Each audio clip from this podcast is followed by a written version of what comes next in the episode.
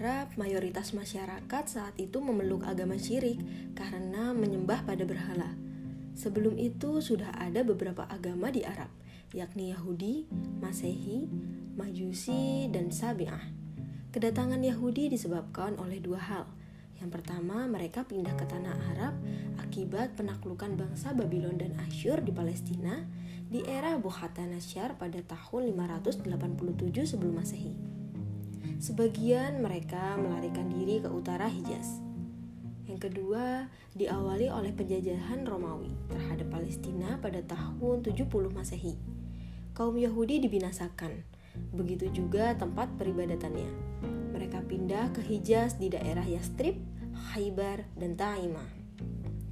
Agama Yahudi masuk ke Yaman dibawa oleh As'ad Abu Kharib ia membawa dua pemuka Yahudi Bani Quraizah usai berperang di Yastrib. Agama Yahudi lalu berkembang cukup pesat di Yaman. Salah satu pemeluknya adalah Raja Yaman, Zun Nuwas. Dia pernah memaksakan agama Yahudi kepada penduduk Najran yang sudah beragama Nasrani. Namun penduduk Najran menolak dan Zun Nuwas pun membakar mereka di dalam parit. Beberapa riwayat menyebutkan peristiwa itu terjadi pada tahun 523 Masehi dan menelan korban sekitar 20.000 hingga 40.000 orang. Peristiwa ini diceritakan dalam Al-Quran. Binasa dan terlaknatlah orang-orang yang membuat parit, yang berapi kayu bakar, ketika mereka duduk di sekitarnya, sedangkan mereka menyaksikan apa yang mereka perbuat terhadap orang-orang yang beriman dan mereka tidak menyiksa orang-orang mukmin itu melainkan karena orang-orang mukmin itu beriman kepada Allah yang Maha Perkasa lagi Maha Terpuji.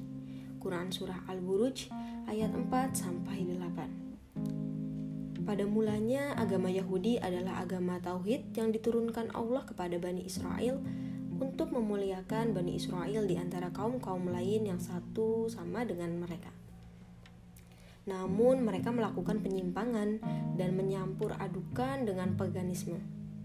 Kitab Taurat diwarnai dengan ungkapan yang tidak pantas untuk Allah.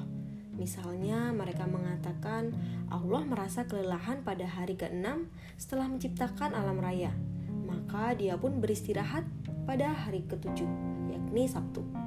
Inilah mengapa bangsa Yahudi mengharamkan diri untuk bekerja pada hari Sabtu. Mereka juga menulis dalam Taurat yang telah diubah bahwa Allah adalah Tuhan bangsa Yahudi. Dia tidak menyukai bangsa lain karena bangsa Israel adalah bangsa terpilih dan umat-umat yang lain laksana domba yang tidak dipedulikan oleh Allah. Mereka juga menghina dan memfitnah nabi-nabi dengan sesuka hati. Mereka menyebut Nabi Nuh sebagai pemabuk berat, Nabi Lut sebagai manusia yang amoral dan keji. Nabi Ibrahim pernah menjadi muncikari. Nabi Yakub sebagai penipu dan Nabi Isa sebagai anak haram. Bahkan terhadap nabinya sendiri, yakni Nabi Daud, mereka menuduhnya telah berzina dengan istri salah satu panglima perangnya. Oleh karena itu, tak heran jika mereka sering bertikai dengan pemeluk agama lain. Yang paling sering adalah dengan kaum Nasrani. Pada abad ke-7 Masehi, mereka mengadu domba umat Nasrani Antokia dengan pemimpin Persia, Fokas. Akibatnya terjadi pembantaian sangat keji terhadap orang-orang Nasrani Antokia.